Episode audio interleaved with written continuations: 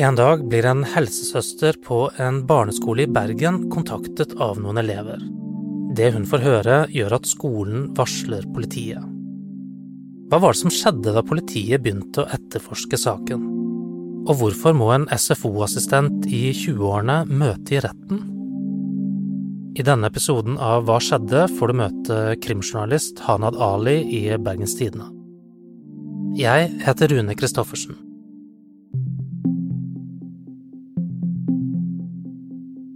Hanad, du har jo jobbet mye med denne saken. Hvordan begynte den egentlig? Den starter i mai 2021. Da får rektoren på en barneskole i Bergen en bekymringsmelding. Den dreier seg om at en assistent ved SFO, altså skolefritidsordningen, skal ha begått eh, overgrep mot eh, barn ved skolen. Rektor snakket med andre ansatte i SFO og spurte om de hadde sett noe urovekkende. Og så snakket rektor også med han det gjaldt. Assistenten avviste at han hadde krenket elevene på noen måte, og så skjer det ikke så veldig mye mer. Rektoren går ikke til politiet, og varsler heller ikke sine ledere.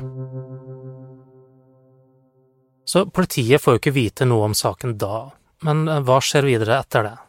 Flere måneder senere så blir helsesøster på skolen oppsøkt av eh, tre forskjellige barn, de har nettopp hatt seksualundervisning og lært om kropp og eh, grensesetting, og så forteller de til helsesøster at denne SFO-assistenten har begått seksuelle overgrep. Da går helsesøsteren til politiet med en gang.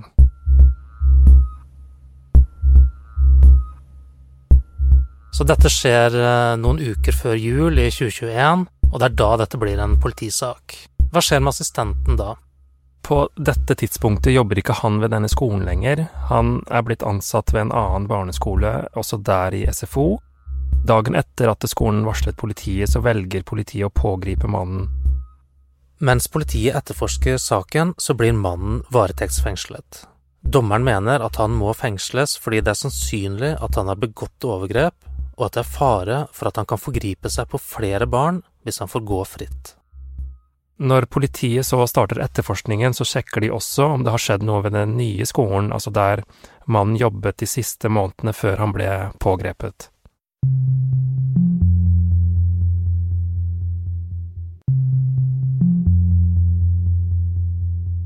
Mandag 28. november, da er det gått nesten ett år etter pågripelsen. Da begynner rettssaken mot uh, assistenten. Men hva er det som har skjedd i mellomtiden? Han har jo vært eh, varetektsfengslet, som sagt, og i mellomtiden har politiet gjort eh, ferdig etterforskningen sin. Aktor mener at uh, man kan bevise i retten at han er skyldig i flere overgrep ved begge skolene. Men hva er det egentlig han er tiltalt for? Han er tiltalt for overgrep mot til sammen åtte jenter under 14 år, Eh, det mest alvorlige punktet gjelder seksuell omgang med en elev, og så er det syv tilfeller av seksuell handling av varierende alvorlighetsgrad. Seksuell handling, hva er det for noe, egentlig? I dette tilfellet så dreier det seg om ulike former for berøring. Ifølge tiltalen så har han strøket elever på lårene, eh, rumpa, brystet og eh, kjønnsorganet. Noen ganger utenpå klærne og andre ganger under klærne. Tre av disse forholdene regnes jo som voldtekt av barn. Eh, det gjelder punktet om seksuell omgang, men, men, også noe av befølingen som han er tiltalt for. Hva sier egentlig loven om dette? På grunn av de fornærmedes unge alder så regnes de mest alvorlige tiltalepunktene automatisk som voldtekt. For når det dreier seg om barn under 14 år, så er det ikke noe krav om at det må ha blitt brukt vold eller tvang for å dømmes for voldtekt. Det, det regnes automatisk som voldtekt i straffeloven. Men hva sier han selv om disse anklagene, da? Han avviser det aller meste av tiltalen. Ifølge forsvareren hans så erkjenner han bare delvis straffskyld for ett tilfelle av eh, seksuell handling. Hva har han forklart sjøl om eh, den fysiske kontakten som han har hatt med barna på skolene? Denne manns forsvarer, eh, Erik Mjelde, sier at det er en del av jobben som SFO-assistent å ha fysisk kontakt med, med barna. Man skal eksempel trøste dem og stryke dem og ta dem på fanget hvis de er lei seg. Og tiltalte sier at han har nok gått for langt i å ha fysisk kontakt med barna, men han avviser at uh, han har hatt et seksuelt motiv.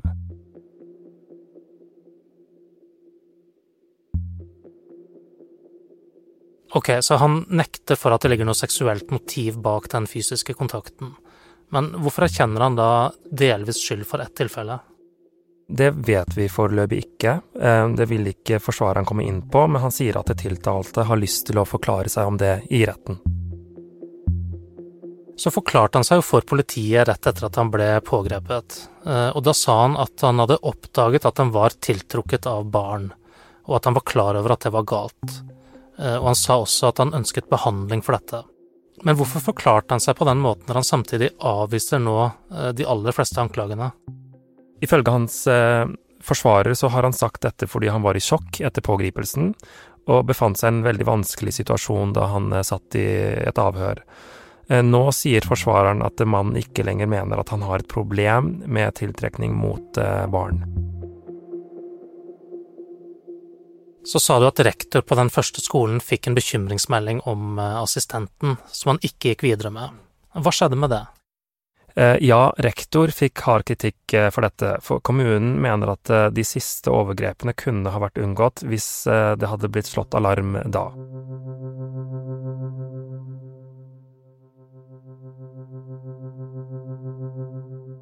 Rektor har forsvart seg med at informasjonen ikke tydet på at det hadde skjedd noen krenkelse ved skolen og at det ikke var noen andre heller som mente at skolen skulle gå til politiet.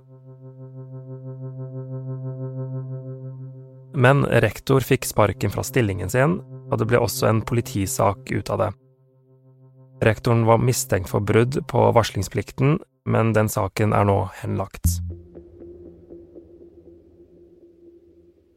Så har det vært flere tilfeller den siste tiden hvor eh, ansatte ved skoler har blitt pågrepet for overgrep. Eh, blant annet så ble jo en lærer i Bergen eh, dømt tidligere i høst for overgrep mot sju barn. Hva er det som gjør disse sakene ekstra alvorlige?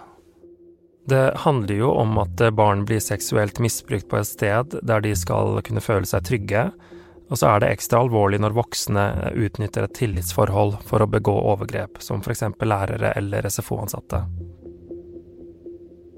Hvis denne assistenten eh, blir funnet skyldig, da, hva slags straff kan han eh, vente seg da?